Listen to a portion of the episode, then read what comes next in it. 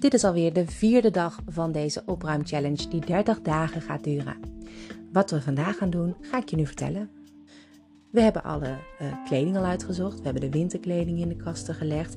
We zijn aan de slag gegaan met de sokken, de panties en het ondergoed. En nu gaan we aan de slag met de pyjama's. In de zomer heb je natuurlijk hele andere pyjama's voor de kinderen en misschien ook voor jezelf een huispak uh, wat uh, lekker luchtig is. Um, nou, vandaag ga je kijken naar wat is er geschikt voor het najaar. Welke pyjama's vinden jouw kinderen dan fijn om te dragen? Wat zijn echt leuke pyjama's die je wil bewaren? Wat zijn pyjama's die eigenlijk ook wel weer weg kunnen? Uh, heb je nog aanvulling nodig? Heb je nieuwe nodig? Schrijf ze dan op op je wensenlijstje. Niet heel onbelangrijk is waar bewaar je jouw pyjama's? Bewaar je die gewoon in de kast, bij de kleding? Of bewaar je pyjama's in uh, een andere kast of op een andere opbergruimte. Nou, wij bewaren pyjama's bijvoorbeeld onder in uh, de kast van uh, de badkamer. En uh, ik heb twee kasten in mijn badkamer staan. Een zit vol met spulletjes van um, haar tot make-up.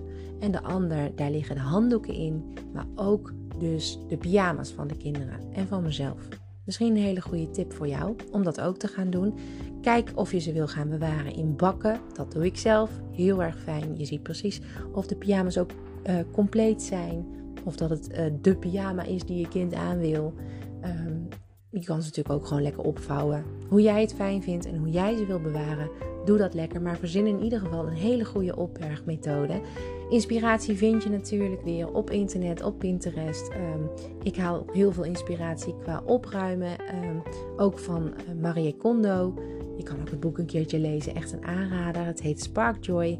En dan word je onwijs geïnspireerd met allerlei leuke opruimtips. Een van die tips is dus de manier van opbergen. En dat is, uh, kan dus in bakken. Dan vouw je rechtop en zie je precies wat je hebt. Nou, dat kun je doen met je pyjama's. En heb je nog pyjama's nodig? Dan noteer je ze op je wensenlijstje in je mamaboekje. Morgen ben ik er weer om 6 uur. Tot dan. Succes vandaag!